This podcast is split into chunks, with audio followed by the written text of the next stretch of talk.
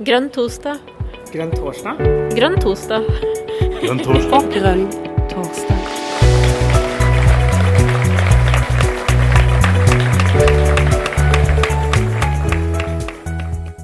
I dag skal Jonas eh, kjøre løpet, tenker jeg, mest. Og så er vi veldig heldige å få besøk av Oda Sofie Pettersen, som er eh, vara i kommunestyret i Kristiansand, og ikke minst stortingskandidat for, for MDG fra Øst-Agder. Gratulerer, du ble vel valgt nå sist helg, veier du ikke det?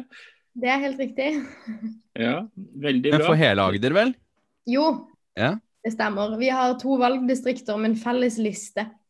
Så det er begge valgdistriktene jeg er toppkandidat for. Ja, OK. Mm. Ja, Riktig. dette blir spennende. Mm. Men da kjør i gang, Jonas. Og dagens tema, hva er det? Dagens tema er eh, flyktningpolitikk. eh, og jeg syns jo det var eh, høflig å la førstekandidaten få, få lov til å velge tema sjøl. og snakke om noe som du brenner for, Oda. Så det, det skal du få lov til. Men aller først, så, nå sa jo Jon lite grann, men du kan kanskje si litt om deg sjøl sånn helt innledningsvis? Ja, det gjør jeg gjerne. Tusen takk for invitasjonen. Jeg syns jo det er stas å endelig få invitasjon til Grønn torsdag. Nei da. Eh, det var i hvert fall veldig stas å bli spurt, og også veldig hyggelig å få lov til å velge tema selv. Eh, jeg heter Oda Sofie Pettersen, som dere også sa, og sitter på fylkestinget for Miljøpartiet De Grønne i Agder fylkesting. Jeg var altså vara til bystyret som Jon innleda med her i Kristiansand. da. Og så er jeg nettopp blitt valgt til førstekandidat for eh, Agder, felleslista vår for Aust- og Vest-Agder valgdistrikt. Og syns det er veldig stas. Eh, Jeg føler meg veldig heldig som får lov til å være det. Så det neste året skal jeg bruke på å drive valgkamp. Ta permisjon fra studiene mine. Jeg studerer internasjonale studier på UiO. Det handler jo litt om eh, det vi skal snakke om i dag. Og tar permisjon fra januar og kan endelig bli sånn politiker på fulltid. Eh, og det gleder jeg meg veldig til. Mm. Yes. Takk for det. Har du, du hadde en presentasjon, sa du. Er du klar til å eh, rulle i gang den? Absolutt. Skal vi se om jeg får det til. Dere ser kanskje skjermen min nå? Ja, det gjør vi, vet du. Så bra. Så eh, da tenker jeg vi bare sier at eh, ordet er ditt, ja. Takk. Takk for det. Dere må jo bare eh, stoppe meg hvis dere har spørsmål eller det er noe jeg trenger å klarere opp. Men hvis ikke så har vi jo god tid til diskusjon etterpå. Det er jeg veldig glad for eh, også. For jeg eh, føler meg absolutt ikke ekspert på dette temaet. Um, ja, så det er bare å skrike ut. Jeg, jeg ser jo ikke chatten og sånn nå som jeg deler skjerm, så dere må bare skrike ut hvis dere har spørsmål.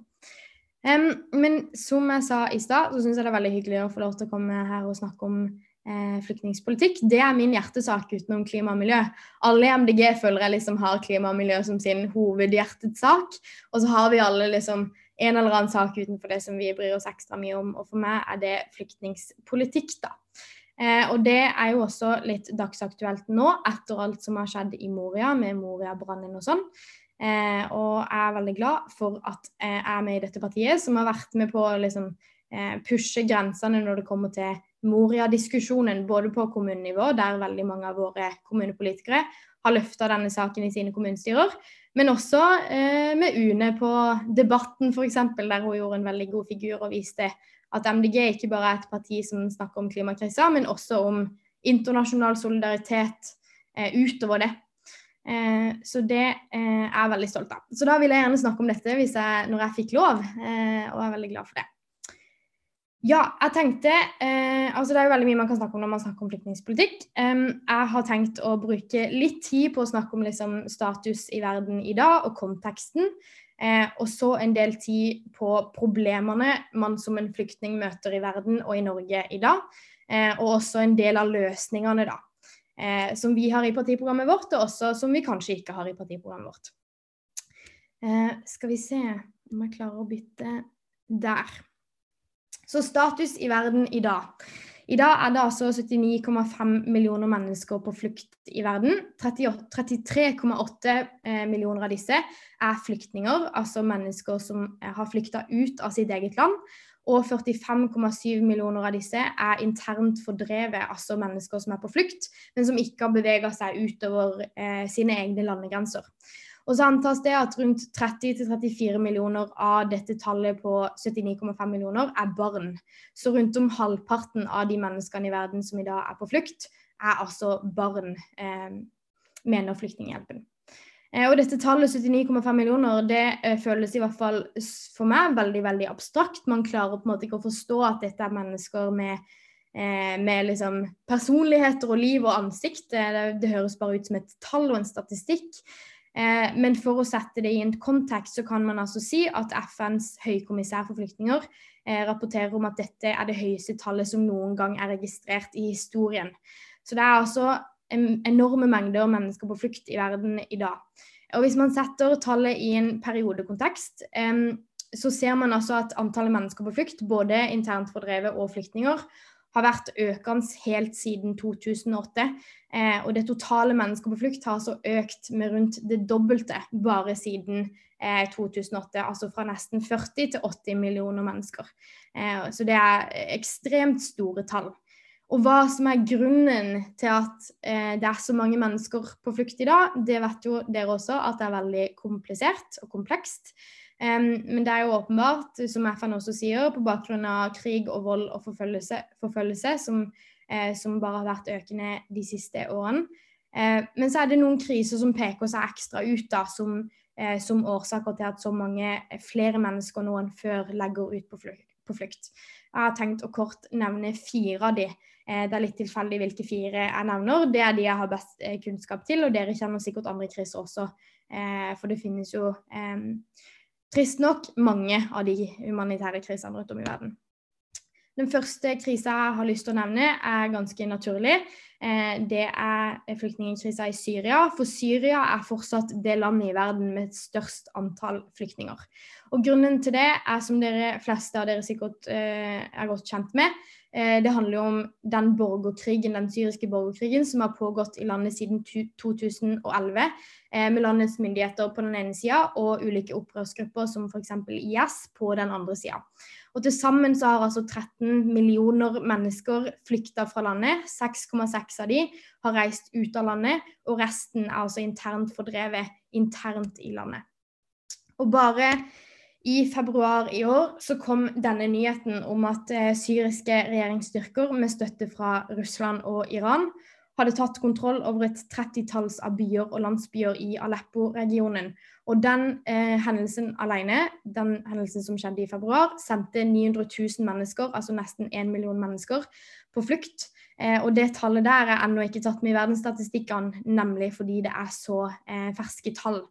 Eh, og blant disse 900 000 menneskene, som dere også ser eh, på utklippet av denne saken i Aftenposten, så rapporterte FN om at det var barn som døde under åpen himmel, rett og slett fordi de frøs i hjel eh, når de var på flukt.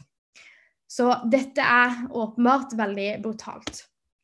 Et annet eksempel på en humanitær krise jeg hadde lyst til å nevne, er Afghanistan, der ti år med krig har gjort landet til et av verdens mest fattigste land og et av verdens minst utvikla eh, land. For etter eh, den afghanske regjeringa tok kontrollen over landet, så har ikke konflikten med Taliban, Taliban, Taliban unnskyld, eh, blitt noe særlig mindre. Han er i hvert fall ikke forvitra. Eh, så det er verken eh, fred eller stabilitet i landet i dag. Og per 2019 så rapporterte FN om at tre av ti personer i landet var underernært og bare 67% av landets befolkning hadde tilgang på rent vann, og bare 43% av befolkninga over 15 år kunne lese og skrive. En annen humanitær eh, katastrofe jeg har lyst til å nevne, som kanskje ligger mitt hjerte ekstra nært, er situasjonen i Jemen. Eh, de har hatt en pågående brutal krig de fem siste årene etter Saudi-Arabia i mars i 2015 gikk til krig mot den lokale Houthi-bevegelsen som hadde tatt kontroll over Jemens hovedstat. Og flere andre land, som USA og Frankrike og Storbritannia, eh, støtter krigføringa. Og det er jo ikke akkurat konflikten nå særlig mindre, uten å gå inn på om det var riktig eller galt. Og siden så har mennesker i landet levd på flukt Eh, eh, og det har hatt store humanitære eh, kriseårsaker, da, eller kriseresultater. og et av de eksemplene på akkurat det er sultkatastrofen i 2018. Eh, den husker i hvert fall jeg veldig godt.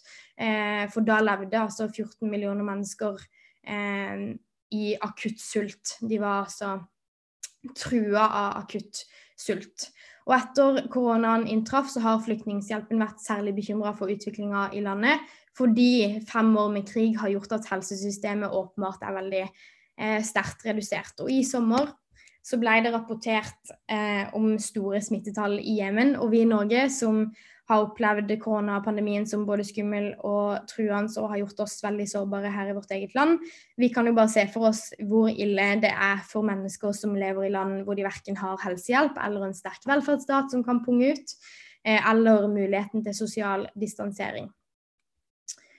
Og så følte jeg også at det var naturlig å si litt om Hellas. For konsekvensen av alle disse katastrofene i eh, verden er jo ikke bare at mennesker mister livet og livsgrunnlaget sitt, eh, men mange legger åpenbart også på flukt, som er det vi snakker om i dag. Og da reiser de jo et sted. Og siden 2014 så har det stedet for veldig mange vært eh, Hellas. Og bildet som dere ser på nå, bekrefter jo hvorfor. Fordi Hellas blir jo i praksis det første steget inn i Europa for mange av de som flykter fra f.eks. Syria og Midtøsten eller afrikanske land. Da reiser de jo over Middelhavet, som vi er godt kjent med. Og i eh, EU-Tyrkia-avtalen, som, som, trådte i kraft i 2016, som er en avtale mellom EU og Tyrkia, eh, så bestemte man at alle migranter og flyktninger som var kommet til de greske øyene, og som i fremtida også ville komme til de greske øyene, måtte enten bli værende på de greske øyene eller sendes til Tyrkia. I hvert fall ikke eh, komme videre inn til Europa. Og Til gjengjeld så skulle altså eh, Europa bistå Hellas med penger, og Tyrkia med penger. og Da bygde de f.eks. Moria-leirer på Lesvos, eh, som så sånn ut før han brant ned. Eh, problemet ble jo bare da at eh, Hellas sto uten mulighet for å hjelpe disse menneskene på ordentlig.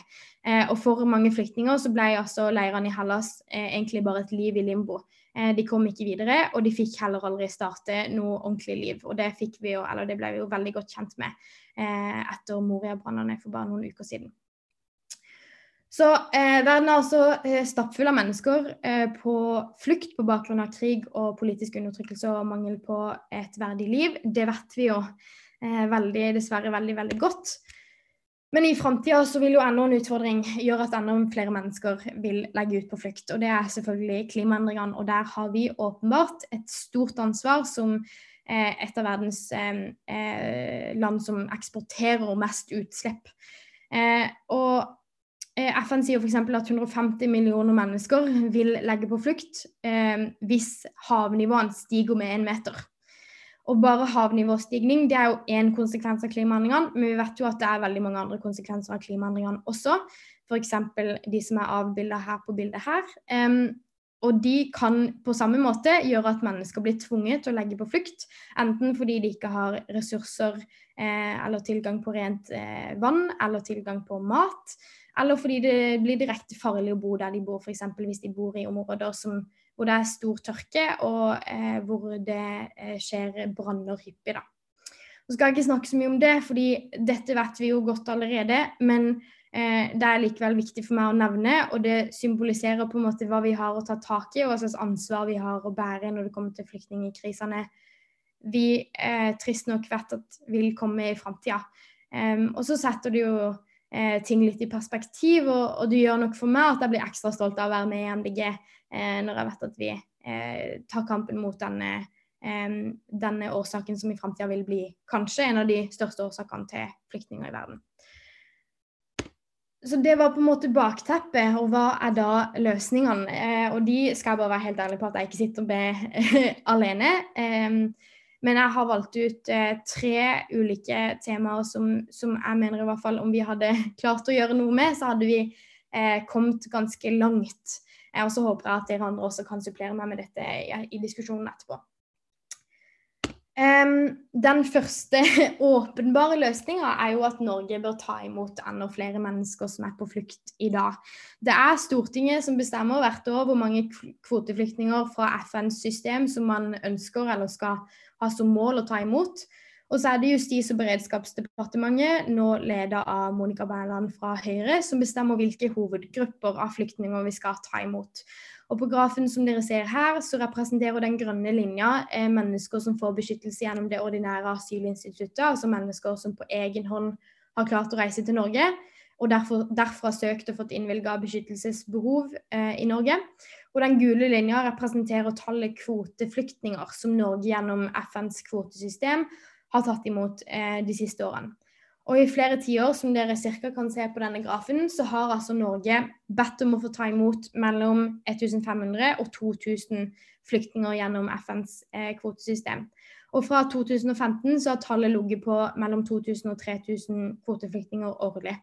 Det kan jo høres ut som en eh, god del mennesker, men hvis vi sammenligner oss med land vi ellers liker å sammenligne oss med, så er vi virkelig ikke best eh, i Europa. Eh, Tyskland tar imot 100 000 mennesker, hvorav 10 000 av de er eh, kvoteflyktninger gjennom FNs system. Frankrike eh, beskytter eller tar imot mennesker eh, og beskytter de eh, på et antall som er altså det halverte av Tyskland, 51 000 mennesker. Og så har vi Norge, da, som eh, klarer å ta imot 5000. Eh, eh, som er liksom 10% av det eh, Frankrike klarer å ta imot, og 5% av det Tyskland klarer å ta imot. Hvorav 3000 av de 5000 er kvoteflyktninger. Og FN ber oss altså om å ta imot 5000 kvoteflyktninger i året. Det har ikke regjeringa med KrF i spissen klart de siste årene.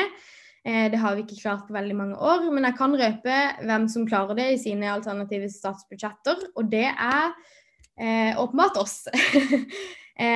vi finansierer å ta imot 5000 kvoteflyktninger i året, i tillegg til ordinære asylsøkere. Og I tillegg til det så finansierer vi også å ta imot 250 klimaflyktninger. Eh, så vi er altså det partiet i Norge som i sine budsjetter tar imot flest flyktninger årlig. Eh, og det er i hvert fall jeg veldig stolt av. Eh, og eh, utenom å ta imot flere mennesker og hjelpe de direkte, eh, så kan vi gjøre det lettere for mennesker på flukt til å få en mulighet. For de siste 10-15 årene så har det vært en europeisk og også en norsk trend å gjøre det så vanskelig for, som mulig for mennesker på flukt. Både å flykte og bevege seg mellom landene i Europa, og søke om beskyttelse og å søke om familiegjenforening. Eh, og I Norge så har jo partier som Høyre og Frp eh, stått i bresjen for å gjennomføre nettopp eh, dette. Som vi f.eks. så når, vi gjennomførte, eller når Norge gjennomførte store innstramminger i den norske asylpolitikken i perioden 2015 til 2017. Um, og Familiegjenforeninger er for meg et veldig godt eksempel på nettopp dette. For Hvis du skal søke om familiegjenforening i Norge i dag, så må du først og fremst betale et gebyr på over 10 000 kroner. Du må i tillegg eh, ha en inntekt på over 264 000 kroner i året, med mindre du rekker å søke innen søknadsfristen på seks måneder.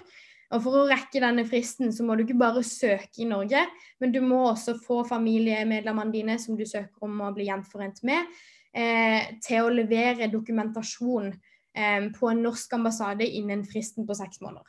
Og det er for mange åpenbart veldig veldig vanskelig når man lever i ustabile regioner hvor man kanskje ikke kan ferdes i trygghet eh, utenfor sitt eget hjem. I tillegg så har vi veldig lang saksbehandlingstid, eh, mellom 18 og 21 måneder. Så man må være, altså belage seg på å vente veldig lenge for å få saken behandla. Eh, I tillegg så må barna du søker om å bli gjenforent med, helst være under 18 år. Og du har heller ingen rett på rettshjelp. Og alle disse tingene eh, er noe man kan gjøre noe med politisk. Man kan f.eks. avvikle gebyret, man kan utvide fristen, man kan gi ressurser til UDI sånn at eh, saksbehandlingstida blir kortere.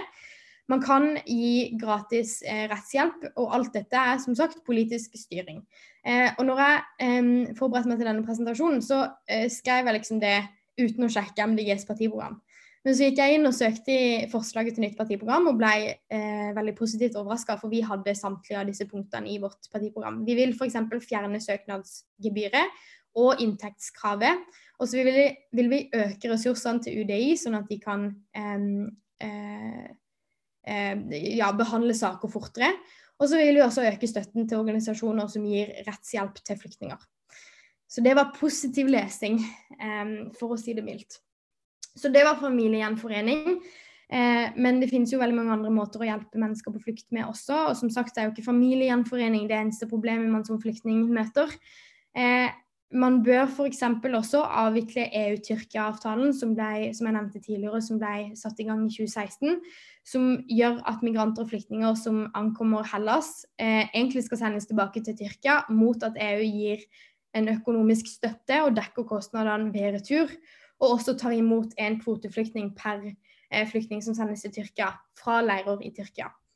Eh, og Flere europeiske land kaller denne avtalen for en suksess. Det gjør også politikere som Sylvi Listhaug. og bare Det er jo tegn på at eh, ordninga er veldig dårlig, i hvert fall i mine øyne. Eh, og Humanitære organisasjoner kaller altså denne ordninga for en eh, katastrofe. Og Det er rett og slett fordi man vet at Tyrkia ikke har kapasitet til å gi flyktningene en ordentlig asylprosedyre, og heller ikke flyktningstatus. Eh, så Da blir jo resultatet at eh, store deler av de greske utlendingsmyndighetene ikke eh, rapporterer om flyktningene som kommer til Hellas fordi de ikke har lyst til å returnere de til Tyrkia. Rett og slett fordi de vet at de ikke blir behandla ordentlig der. Og Resultatet for flyktningene blir jo da at de må leve i limbo i Hellas. Med null mulighet for å reise videre til Europa, og ingen mulighet til å starte et ordentlig liv heller.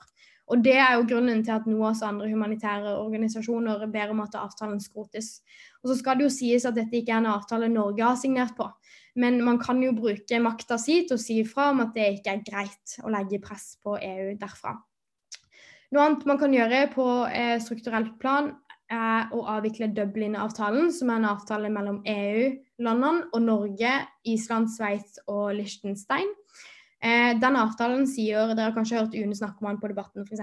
Eh, den sier at flyktninger kun får behandla søknadene sine i ett land om å bli i det respektive landet til søknaden er ferdigbehandla. Hvis man da som flyktning prøver å reise videre til et annet land for å få søknaden sin behandla der, så risikerer man å bli sendt tilbake der man var først. Eh, og Det høres kanskje liksom ikke så ille ut, men det er kritisk for de menneskene det gjelder. Rett og slett fordi man risikerer at de sendes til et land hvor de f.eks. ikke har krav på beskyttelse, eh, eller hvor de risikerer enda lengre søknadsprosesser Um, og Konsekvensen er jo at de ikke får trygghet i noen av landene de forsøker å henvende seg til.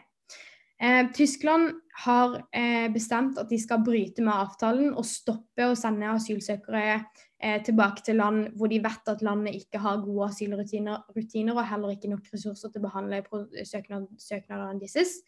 Norge kunne gjort det samme, og heldigvis um, så mener MDG at vi skal det i vårt nye partiprogram. Så det er veldig bra. Det tredje Ja, det var dette altså. Jeg glemte å bytte lysbilde. det tredje vi kan gjøre, er å hjelpe mottakslandene. Eh, og da mener jeg ikke på den måten Frp snakker om å hjelpe folk der de er. Eh, for vi skal selvfølgelig ta imot flyktninger, så mange som vi har eh, kapasitet til, og vi skal strekke oss langt for å gjøre nettopp det.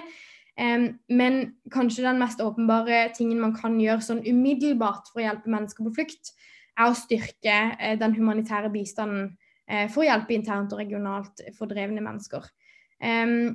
Og eh, Et eksempel på noe man kan gjøre med sånne penger, er jo f.eks. å gi menneskene i Moria dusj eller et ordentlig gulv å gå på. For den, sånn som det er i dag, så går de i gjørme. og det er jo veldig lave standarder. Og bryter i mine øyne med menneskerettighetene når man ikke har tilgang på å bli ren. Og MDG vil jo eksempelvis at minst 1 eh, prosent av nasjonalinntekten skal gå til humanitær bistand og utviklingsbistand. Eh, og det er veldig, veldig bra. Og så vil jeg også nevne eh, dette, bare for å liksom finne tilbake til seg selv igjen. For selv om dette eh, ikke er noe man kan gjøre sånn umiddelbart, så er det jo liksom det eneste som vil eh, stoppe eh, flyktningsproblemet og, og stanse mennesker fra å være tvunget til å legge ut på flukt i verden. Da må man slutte med krig, og man må stanse klimaendringene. og Derfor er jeg veldig stolt av at MDG er et, eh, et, eh, fredsparti som setter nettopp dette prinsippet så eh, høyt. Og som også er det eneste partiet i Norge som kjemper eh, mot klimaendringene på den måten vi gjør. Eh, for det er eh, absolutt det viktigste vi kan gjøre for eh, framtidige katastrofer rundt om i verden, og for fremtidige flyktninger som, som blir tvunget på flukt.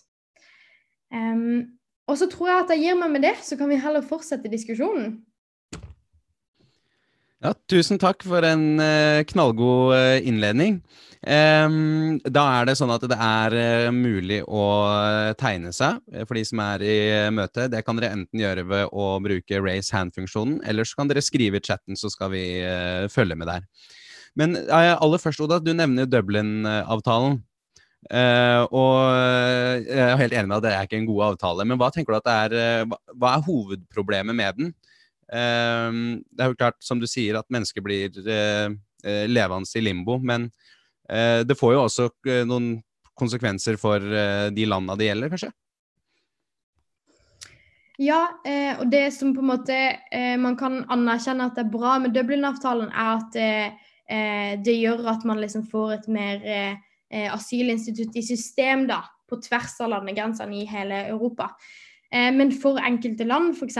Hellas, eh, så vet man jo at Hellas ikke har kapasitet, både sånn eh, ressurser og penger, til å behandle søknadene til flyktninger, fordi de rett og slett må liksom ja, håndtere Moria-leirene f.eks. i Lesvos.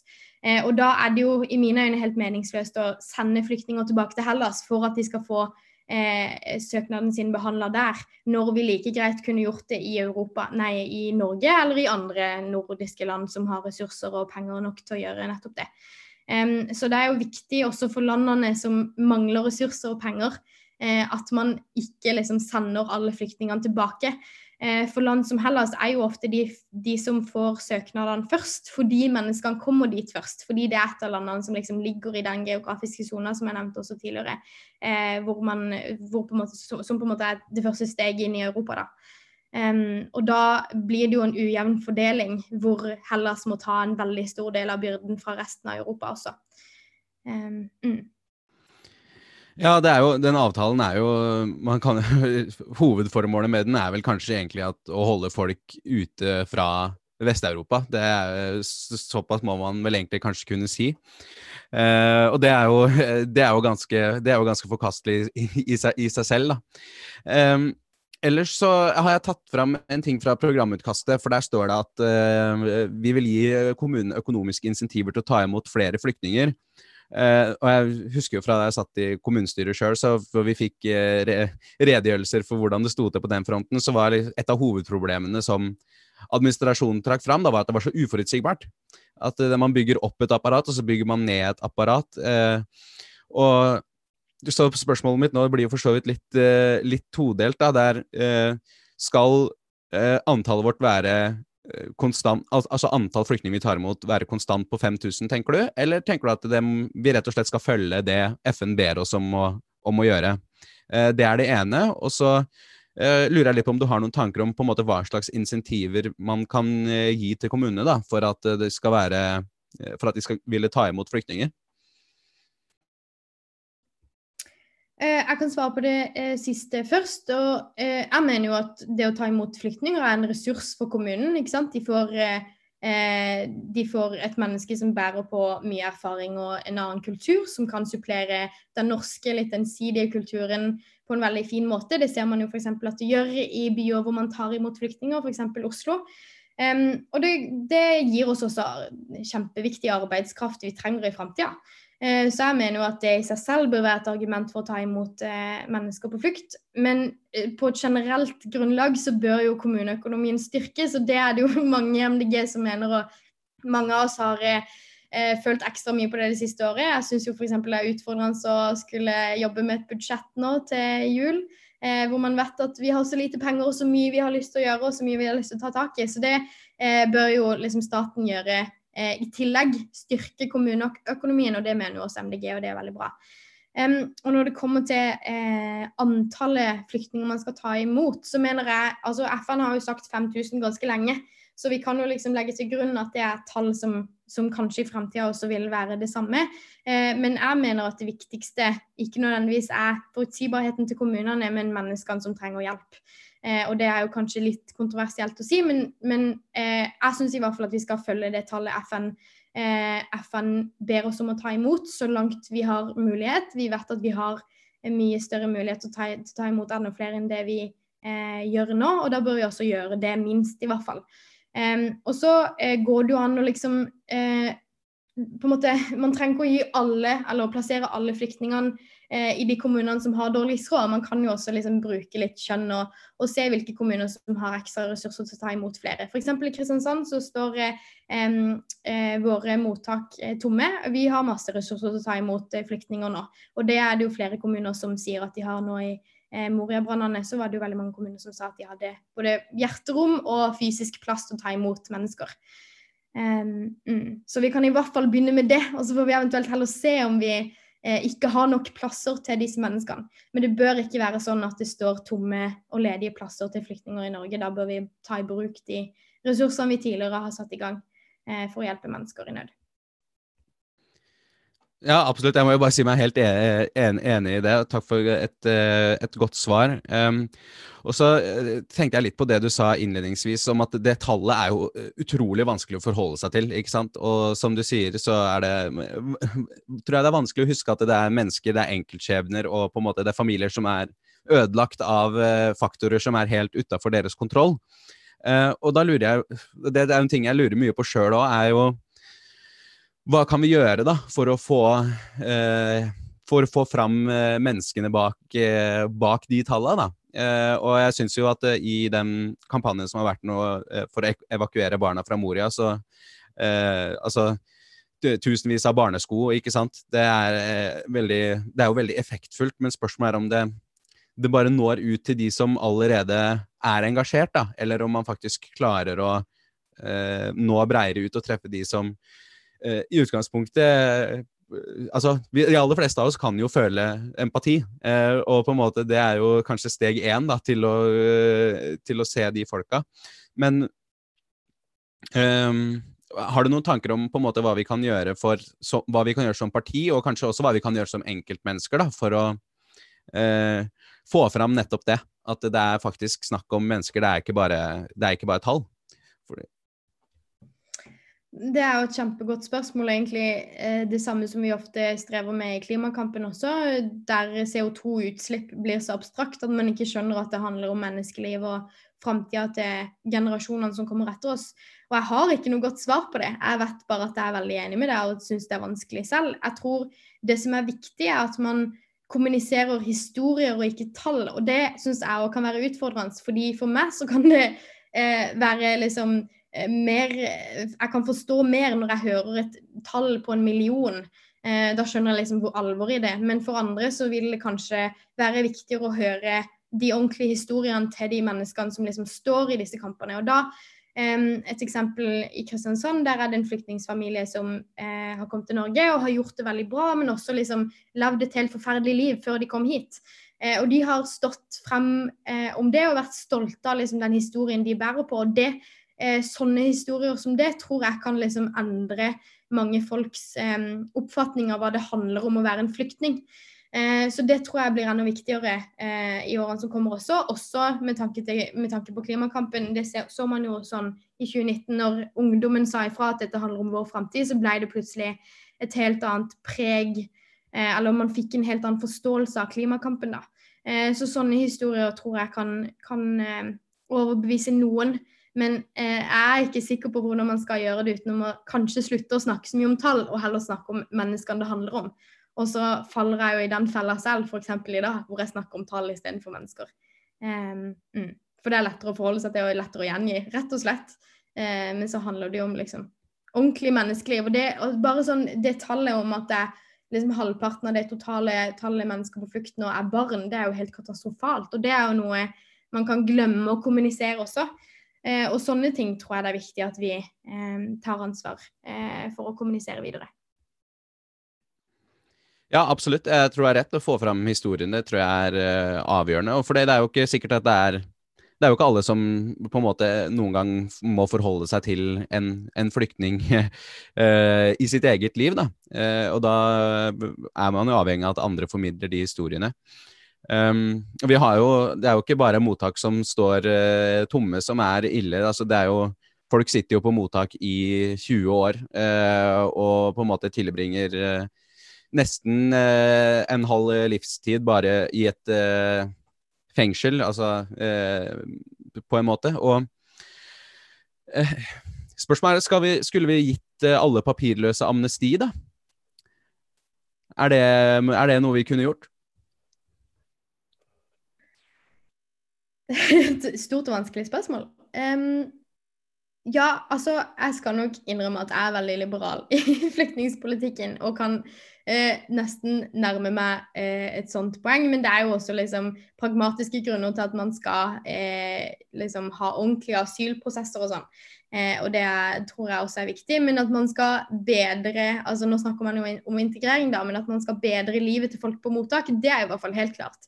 Eh, I Kristiansand så lever flyktningene Det kom en rapport ut om, ut, eh, om det for bare noen dager siden. og Der lever flyktningene eh, liksom i fattigdomsgrensa alle sammen, på en måte av de som lever på mottak. Fordi de får så lite eh, stønad i uka. Eh, de klarer ikke å leve på det, rett og slett. Og det eh, er jo vanskelig for kommunene å gjøre noe med, fordi det er et nasjonalt liksom, bestemt hvor mye penger man som flyktning skal få i stønad per uke. Eh, men det kan man jo gjøre eh, på Stortinget. Eh, så jeg tror først og fremst at vi, vi skal liksom jobbe som, som, parti da skal jobbe for å ta imot flere flyktninger. Det gjør vi heldigvis allerede. Og også på en måte bedre integreringa og gjøre det bedre for de som kommer til landet vårt. både å liksom overleve økonomisk, men også samfunnsmessig. At de blir tatt imot på en ordentlig og verdig måte. og så får vi heller se hvor liberale man kan bli etter det. Eh, men eh, nå ser jeg Jon smiler litt, så jeg vet ikke om han har, han har noen meninger om akkurat dette punktet. Tror han har det? Mm, ja Jeg har en mening om akkurat det. Jeg, jeg sitter jo da i kommunestyret i Løten, og vi hadde jo opp det at vi ønsker flere flyktninger her. nå. Eh, og det tror jeg er viktig på bygda. Eh, at vi får flere. Men vi har jo da et mottaksapparat som når det da antall flyktninger går ned, så bygges jo det ned. Og det er jo problematisk. For hvis det da, som vi tror kanskje disse tallene kommer til å øke igjen, så har vi plutselig ikke noe apparat. Og det tipper jeg jo at det er det samme i andre kommuner som eh, er rundt omkring i Norge også. at vi etablerer et apparat og har fagfolk som da blir flinke innenfor sitt område. og så greier de så, så, må de få seg en annen jobb, og så plutselig er de ikke der lenger. Så det, det syns jeg er problematisk her, her på bygda. Da. Men det er jo selvsagt det samme i byen også. Mm. Ja, nei, absolutt, eh, Jon. Eh, vil du kommentere det, Oda? Vi var jo litt innom det i stad, men du skal få si noe om du vil. Ja, eh, deilig å få masse taletid. um, nei, og jeg tenker Spesielt i små kommuner så blir man jo veldig sårbare når man plutselig eh, må bygge ned apparatet sitt i forhold til um, i forhold til hvor mange flyktninger man får lov til å ta imot. Men, men også i store kommuner, som du sier. Um, I vår kommune så har vi jo eh, et altså sånn, Når jeg snakker om mottak, så snakker jeg om det fysiske ofte. At man har liksom ledig plass til folk på mottakene våre. Vi har tomme senger. Vi kunne tatt imot eh, folk. De, kunne, de, hadde fått skoleplass. De hadde fått eh, liksom plass på mottaket vårt hvis, det, eh, hvis, staten hadde latt oss ta imot flyktninger. Men, men at vi òg har bygd ned eh, hele apparatet vårt, det er ikke noe tvil om det. Og det er jo egentlig veldig skummelt, fordi i framtida så vet vi jo at vi kanskje må ta imot enda flere mennesker pga. klimaendringene. Og da er, er, vi jo veldig sårbare når vi ikke har eh, liksom holdt på den kompetansen vi hadde når eh, det var flere flyktninger i, i, landet vårt tidligere. Og bare for å kommentere Det da, det, det snakker jeg ikke så mye om i presentasjonen, men, men det er jo en grunn til at vi har altså vi tar imot flere kvoteflyktninger nå enn før. Og samtidig så har vi færre flyktninger i landet vårt. Og det er jo fordi Norge har blitt eh, et av de landene hvor det er vanskeligere å flykte til som eh, en flyktning som ikke kommer gjennom kvotesystemet. Det blir vanskeligere med igjen, eh, familiegjenforening f.eks., eller Dublin-avtalen gjør at det er vanskelig å komme hit som eh, ordinær eh, asylsøker. Eh, og Det tror jeg også handler om hva slags verdier vi sender ut eh, til resten av verden når vi har politikere på, i regjering og i den politiske ledelsen som sier så tydelig at man ikke ønsker flyktninger, så vil man jo ikke som flyktning komme hit heller. Og når man gjør det så vanskelig med de strukturelle tingene med familiegjenforening f.eks., så vil man ikke eh, komme til Norge, rett og slett. Um, og da, eh, da, står mottakene våre tomme, da. Mm. Ja, takk. Eh, jeg satt i et um, utvalg her oppe i Trøndelag MDG hvor vi jobba med eh, programutkastet. og Der var det et uh, punkt som det ble en del diskusjon rundt. Du nevnte det som en av de tingene som du er veldig stolt av at vi har med, nemlig det med at den inntektsgrensa for å få familiegjenforening um, skal, skal, bort. da. og hvordan ser du for deg at den eh, skjønner, Vi vet jo, skjønner jo hvor du står i den, eh, i den debatten. Eh, men hvordan har det vært i fylkeslaget hos dere? Er det et tema som eh, er, vekker mye eh, engasjement, og er det på en måte store motsetninger der? Tror du det kommer til å bli en sak som kan eh, resultere at man får et, en veldig splitta votering på et landsmøte, eller har du noen tanker om det? Det er jo vanskelig å, se, vanskelig å spå framtida, men kanskje du kan prøve? ja, det er jo det vi liker som politikere. eh, vi har diskutert store deler av programmet, og nå ser jeg at både Jens Aldo og Svein Helge Grødam er her i dette eh, møtet. Og de vet godt at vi har hatt store debatter om alle kapitlene i programmet, men det var ikke et punkt vi diskuterte, faktisk. Der var vi enige med programkomiteen, altså den enstemmige programkomiteen som ville ha med eh, nettopp det punktet. Så det har jeg faktisk ikke tenkt at var et kontroversielt punkt eh, for MDG. Så det kan jo være spennende på eh, landsmøtet også, når man ser for det endelige forslaget, forslaget, fra programkomiteen, om de eventuelt har tatt det ut hvis motstanden har vært stor. Eh, det håper jeg jo ikke, men det kan jo være. Ja, absolutt. Det blir, blir veldig spennende å se. Eh, og det er jo flere Altså, vi skal slutte med krig. Det skal vi jo. Det syns jeg også er en god idé. Um, der er, også, er det jo et punkt uh, som um, uh, som også var diskutert, og jeg regner med at de har diskutert ganske kraftig i programkomiteen nå. og Det er um, det punktet som sier at, at eventuell norsk deltakelse i fredsopprettende internasjonale militære operasjoner skal debatteres og vedtas i Stortinget og evalueres grundig i etterkant. Og eh, Der ble jeg litt overraska over at det, bare, at det er et mindretall i programkomiteen som mener det. Eh, hva tenker du om den saken? Eh, vi diskuterte det også i vårt fylkeslag, og der eh, landa vi på at eh, det var eh, fint med diskusjon i Stortinget, så lenge alle liksom holder på de nødvendige taushetspliktene osv. Så, videre, så er jo det kanskje bra at man får en ordentlig politisk diskusjon, for krig er jo også politikk. Det er det jo alltid, det vet vi jo godt. Eh, et annet eh, punkt i eh, programkomiteen var at man ikke skulle støtte Sikkerhetsrådets bestemmelser på hvilke kriger man eventuelt skal gå inn i som fredsbevarende styrker. Og der var jeg litt uenig med programkomiteen. For der mener jeg at man Altså Sikkerhetsrådet og FN er jo ikke perfekt på noen som helst måte, men det er enn så lenge det eneste vi har når det kommer til liksom et overordna system som kan gjøre noe eh, for å sikre verdensfred. Så selv om vi vet at Russland og, eh, og USA bruker vetoretten sin altfor ofte, også som liksom i saker som er, det er helt tydelig at bare liksom handler om egen politisk vinning, så er jeg nok redd for hva som vil skje hvis vi ikke gir tillit til Sikkerhetsrådet, da. Eh, så der var jeg nok mer uenig med programkomiteen enn akkurat i det punktet om at eh, det skal diskuteres eh, i Stortinget. Ja, nei, for det, det punktet om at, altså at, Norges deltakelse i fredsbevarende operasjoner skal vedtas i Stortinget, det vil jo bety da at en ny regjering ikke kan sende Altså, vi rett og slett ikke kan sende Norge ut på, på den typen uh, typen oppdrag. Så det er jo jeg ser jo at det er, det er jo et litt uh, vanskelig, vanskelig, punkt. Men vi ser jo at f.eks. SV er jo et parti som står veldig uh, argumenterer veldig sterkt for, uh, for, det. Um, så vi får nå se åssen det lander i prosessen videre. Um, og så forstår jeg godt hva du mener med det um,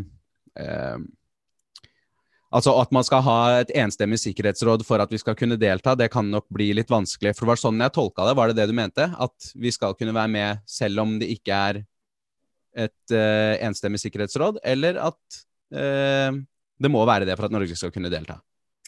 Nei, eh, sånn som det punktet, i hvert fall sånn som jeg har forstått og huska det punktet, så eh, handler det, det mest om at man kan Altså at Norge kan støtte operasjoner som ikke har eh, flertall med veto, eh, vetolandene også i Sikkerhetsrådet.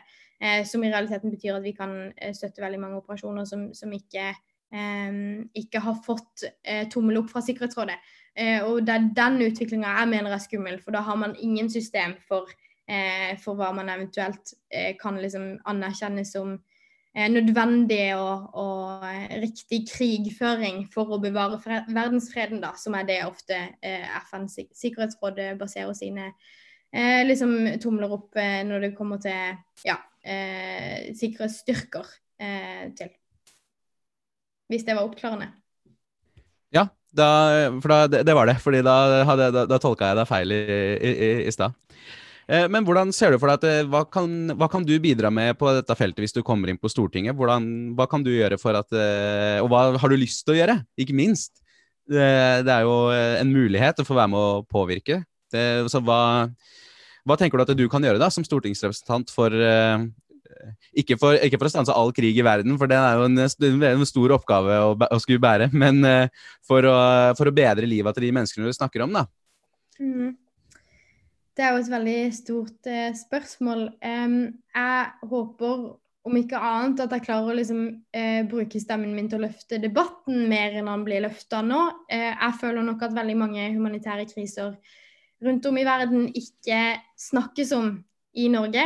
Eh, og det er jo klart at det ikke bare handler om at stortingsrepresentanter ikke løfter disse sakene, eh, men også på en måte hva slags fokus den norske befolkninga kanskje har, og det representeres eller eh, det speiles, gjenspeiles i media. Eh, men jeg ønsker i hvert fall å liksom være en stemme for eh, de menneskene som er på flukt i resten av verden. Eh, og politikk for meg det handler ikke bare om hva som skjer i Norge, og det handler ikke bare om mitt valgdistrikt og mine velgere og liksom de som er sånn spesielt opptatt av de sakene jeg er opptatt av. Men det handler om at man har fått en mulighet som politiker til å faktisk representere de som er i mindretall og som ikke får lov til å uttale seg selv. Kanskje gjennom at de ikke har stemmerett fordi de ikke lever i et demokrati, eller at de rett og slett står uten statsborgerskap i det landet eh, de befinner seg i. Eh, så om ikke annet så håper jeg i hvert fall jeg kan bidra til det. Og så håper jeg også at eh, MDG eh, havner på vippen og kan dra regjeringa i en mer eh, solidarisk retning på det feltet. og eh, håper at eh, hvis vi skal støtte en regjering, så skal det i hvert fall være en regjering som tar imot flere kvoteflyktninger enn det er i dag. Um, mm. Ja, hva, hva, hva, hva, tror du på det, på det, punktet der, da? Det er jo en debatt som også skal opp. Hvem skal, vi, hvem skal vi samarbeide med? Men det er vel sånn at den regjeringa Solberg har vel tatt imot flere kvoteflyktninger enn det enn det Jens Stoltenbergs regjeringer har gjort. Eh, mm. så tror du det er eh, ja, Tror du potensialet for gjennomslag på dette feltet er større på borgerlig side enn på rød-grønn side? Nei. eh, nei, altså det er, det er, mange ting man kan samarbeide med høyresida på. og Jeg er ikke noe sånn konsekvent mot samarbeid på høyresida, eh, bare for å liksom legge den ballen død. Men Eh, men grunnen til at høyresida, eller regjeringa i dag, har hatt muligheten til å øke antallet kvoteflyktninger de tar imot, det er jo ikke fordi KrF har fått et supert gjennomslag. Det er jo mer fordi det ikke finnes andre eh, asylsøkere som søker beskyttelsesbehov i Norge. Og da kan man på en måte skru opp antallet kvoteflyktninger noe, fordi eh, tallet totalt sett har gått så kraftig ned. da. Eh, for under eh, eh, den Ap-lederregjeringa sist gang, så var det jo veldig mange flere vanlige asylsøkere, hvis man kan kalle det da, som ikke kom gjennom kvotesystemet til FN, som søkte seg til Norge. Og Da ble jo det totale antallet flyktninger i Norge mye høyere enn det er eh, i dag. Eh, og så føler jeg altså det kan godt være at det blir et vanskelig gjennomslag å få på venstresida òg, men man har jo sett at KrF har prøvd på høyresida, og de har ikke klart det så veldig bra. Og for meg ble Moria-debatten et eh, prima eksempel på akkurat det. Så jeg har liksom mista litt tilliten til høyresida når det kommer til internasjonal solidaritet, rett og slett. Dessverre. Eh, I eh, hvert fall hvis eh, Frp skal ha en eh, liten finger med i spillet, så tror jeg det er null sjanse for å eh, dra eh, den politikken i en mer solidarisk retning. Mm. Ja, jeg må jo si at jeg aldri, aldri har, mis, jeg, den, jeg har aldri hatt den derre uh, tiltroen til høyresida på solidaritet. så, så jeg, jeg, skjønner ikke at du har mista den. ja, nei, det, er jo, det, er jo, tendenser i eh, KrF, da, absolutt. Så, og, så, noe er det, men det er ikke mye. Det er ikke det som kjennetegner den sida. Mm. Nei, det ja. Det er, det, er ikke, det, er, det er, ikke, godt å si det, for liksom, det, er ingen som har klart å overbevise, overbevise meg iallfall om at det er på en måte At de kan levere den politikken som trengs på det området. Det er vel, det er vel fortsatt sånn at Norge er et av Er det to? Et av veldig få land i hvert fall, som returnerer eh, til Afghanistan, f.eks. Uh, så der er jo et uh, tips til en sak som absolutt må tas, ta, må tas tak i. Eh, men tenker du at eh, Du sa jo vel at det var Justis- og beredskapsdepartementet som velger ut hvilke kvoteflyktninger som man skal prioriteres, eh, så vidt jeg husker. Men tenker du at hva, slags prioritering ville du gjort, på en måte, hvis du skulle valgt hvem som skulle fått eh, kommet Norge som kvoteflyktning? Ja, det er riktig. Det er departementet som velger hvilke hovedgrupper man kan, liksom skal få de kvoteflyktningene fra i FN. Eh, og hvis ikke jeg husker helt feil, så har eh, regjeringa f.eks. Eh, sagt at mennesker som blir eh, politisk eh, forfulgt pga. legningen sin, f.eks. skal få prioritet i Norge eh, nå de siste årene. Eh, jeg syns den debatten er veldig veldig vanskelig, fordi det er så mange gode grunner til at mennesker Altså ikke gode grunner, det er jo forferdelige grunner til at de legger ut på flukt, men det er reelle grunner på hver sin måte. da. Eh, og det viktigste for meg er nå kanskje at Norge, hvis vi kan, kan bidra til å dekke opp eh, et, en gruppe som ikke blir fanga av andre land. da. Eh, om det er når det kommer til legning eller seksualitet eller religion eller eh, eh, andre ting, så er det det samme for meg. Det er mennesker på flukt uansett, på en måte. Eh, så jeg har ingen spesiell, ingen spesiell, formening om hvem det skal være. Eh, så lenge det er noen som, som, selvfølgelig har behov for det, og det har de jo. Ja, nei, Det er jo et eh, synes jeg var et godt svar. Det er jo et tema som eh, Det blir jo gjerne politisert. Eh, at eh, ja, enkelte vil jo kanskje bare ta imot kristne flyktninger. Eh, og også gjøre religion til et kriterium for hvem som skal få, skal få komme. Og det Ja, det Altså, den, den politiseringa, akkurat det, den eh, er vel eh, Den håper jeg vi jobber imot, altså. Det, det tror jeg vi skal, skal gjøre også. Mm. Har du noen tanker, Jon? Ja, jeg syns det er veldig ubehagelig at vi stopper disse flyktningene så langt vekk. Da slipper vi nesten, altså Hvis ikke det hadde vært for fjernsyn og sånn, så ville vi ikke sett det. Det, dette, F.eks. disse enorme flyktningstrømmene fra Afrika. ikke sant? Det, jeg, er ikke, jeg er ikke helt sikker på hvordan status er nå, men det er vel like mye båtflyktninger nå fra så Det er bare at ikke vi ser i media. for det er andre, andre ting. Jeg har ikke oversikt over det, men det skulle ikke forbause meg. Det blir, ikke, det blir, ikke, oppslag i media fordi at uh, Nei, nå, nå, nå, har folk blitt lei av det, ikke sant. Mm. Så Eneste grunn til at vi fikk uh, oppslag om uh, Moria-leiren igjen, var jo fordi at å, nå skjedde det noe dramatisk der. Det brant, men det har jo vært dramatisk hele tida, ikke sant. Ja, er medie, mediebildet er jo med og, og preger det her, selvfølgelig. Og så er det jo det er vel kanskje ikke de sakene som gir flest eh, klikk heller. Så det er jo uten at vi skal begynne, starte mediedebatten nå fem minutter før møtet er ferdig, men eh, så, eh, så, må det vel gå an å si at det også, også, er, en, eh, også er, en, faktor, da. Eh, og kanskje derfor at det også havner lenger og lenger bak i bevisstheten vår. Eh, men flytter dette velgere? Har flytt, flykt, flytter solidaritet med flyktninger, flytter det velgere mellom partier? Har vi tall på det, Oda? Nei, jeg kan ikke huske at vi har konkrete tall på hvor engasjerende dette spørsmålet er. Om det på en måte gjør at folk hopper til oss. Men jeg tror vi har et stort potensial i og med at KrF at dette er en viktig sak for de, og de eh, har eh, feila så sinnssykt på dette feltet de siste, eh, de siste årene de har sittet i regjering. Så tror jeg vi har et stort potensial der. Og det, bare for å snakke fra liksom ren personlig erfaring, da. Eh, her på Agder så har vi gjort det veldig bra på skoler eh, hvor KrF tidligere har gjort det bra, altså i skolevalget. Eh, og det er fordi vi har snakka og rendyrka nesten dette solidaritetsspørsmålet. Eh, snakka mye om både flyktninger og om klimakrisa og om klimaflyktninger. Og de to spørsmålene i sammenheng, da. Eh, og der har vi eh, tatt veldig mange velgere, skolevelgere, da. Skolevalgvelgere fra KrF. Men det sier jo for meg i hvert fall at det er et viktig spørsmål for oss og unge i dag. og det, Derfor tror jeg det er viktig. Og så er det jo et viktig spørsmål fordi det er rett, da. Ikke sant? Om det handler om velgere eller ikke, så er det riktig at vi har den riktige politikken på dette feltet. Um, så det er jeg glad for at vi har. Yes, takk. Da har vi fått inn et eh, spørsmål i chatten fra Svein Helge. Vil du stille spørsmålet sjøl, så får du anledning til det. Ja, det kan jeg godt. Hei. Hei, hei.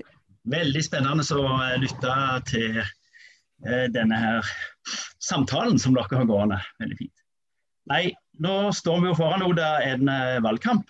Og uh, uh, jeg tenker at ikke minst på det blide Sørland så er folk litt skeptiske, ikke sant. Du har det partiet som du var inne på helt i bunnen med, som er store i Kristiansand og i det hele tatt. Hvordan har, du, hvordan har du tenkt å å klare å gjøre denne saken til en virkelig vinnersak i valgkampen, sånn at uh, vi booster 1% mer i oppslutning. Fordi at uh, yes, vi har en god løsning på denne, denne politikken. Hva er liksom clouet, tenker du?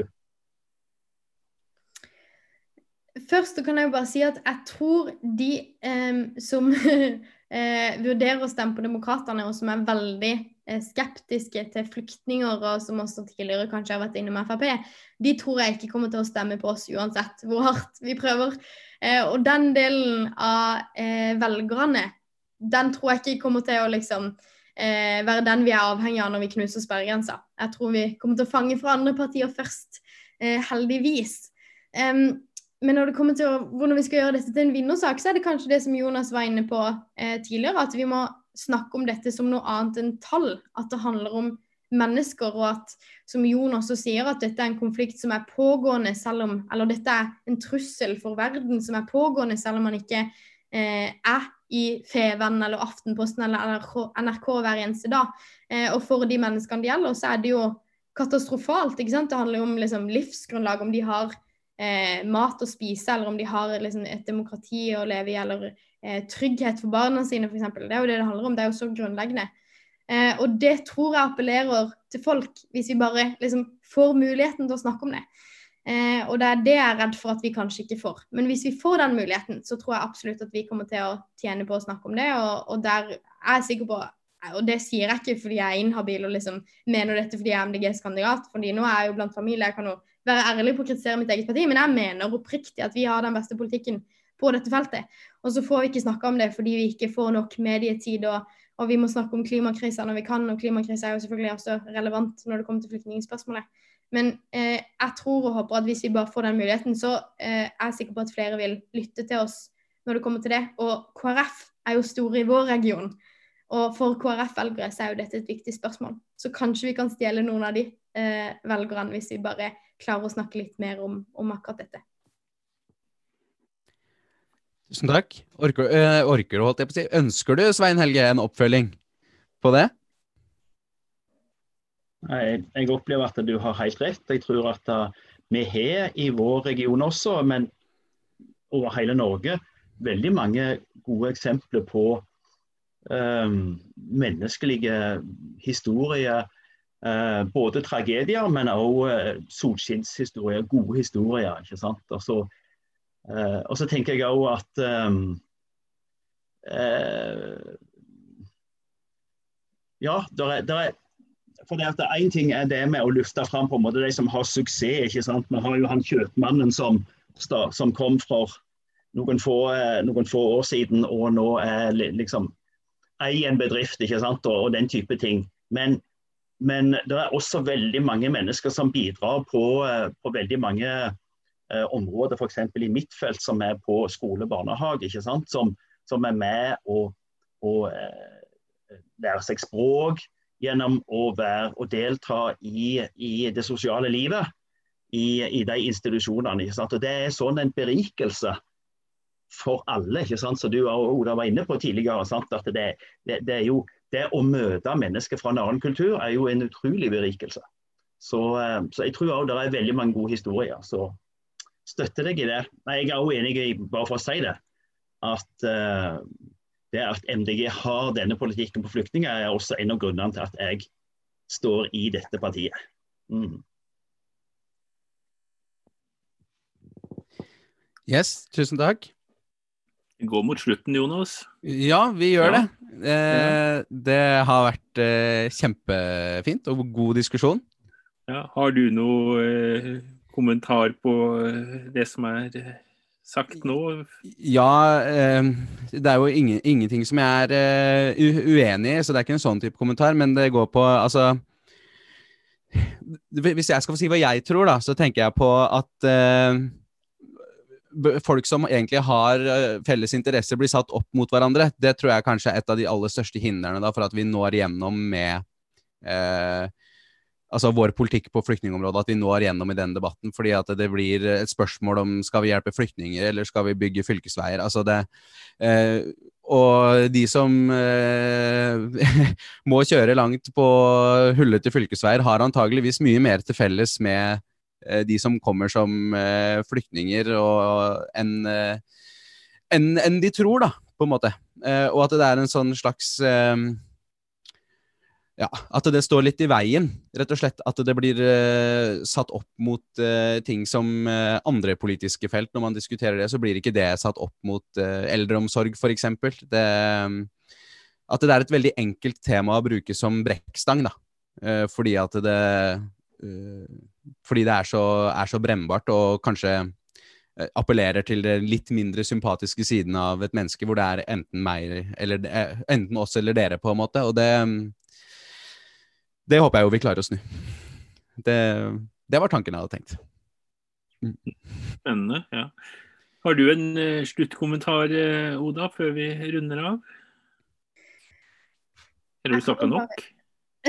ja, ja, det har jeg vel.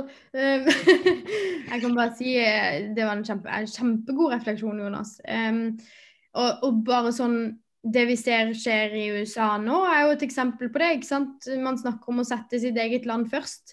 Og jeg tror det er veldig viktig at MDG blir den stemmen som ikke tillater at det er debattnivået, liksom. Vi vet jo at det ikke er realiteten, og da skal ikke det heller være den politiske realiteten i valget som kommer. Så det må vi bare nekte for at det blir og eh, diskutere denne problematikken eh, med en sympatisk, men også realistisk tone. Og så tror jeg vi når fram. så kan jeg også bare si tusen takk for at jeg fikk komme. Dette var veldig nyttig for meg òg å snakke om, eh, og veldig fint. Vi får jo ikke alltid så mye tid til å diskutere sånne her store spørsmål. det blir jo mye klima, og det blir mye, for meg så blir det mye samferdsel i fylkestinget. Så det var veldig nyttig og veldig fint. Tusen takk. Veldig bra. Eh, når du er inne på det amerikanske valget, så er eh, når neste gang Grønn torsdag er på lufta, så eh, er det muligens en ny president i USA. Vi sier muligens, for hva de finner på der borte, vet vi ikke før valget har vært. Så det, det er vel en del som er litt spennende på det, åssen det går. Eh, Jonas, vi har vel ikke landa hva vi skal ha om ei uke? Jeg tror ikke det. Nei, vi har ikke landa det, men vi jobber jo med saken. Og det, ja. blir, det blir grønn torsdag. Like ja. sikkert som at det blir torsdag. Eh, så eh, det kommer eh, informasjon der informasjonen holdt jeg på å si trenger å havne. så eh, det er bare å følge med. Ja. Tusen takk, Oda, og lykke til i valgkampen.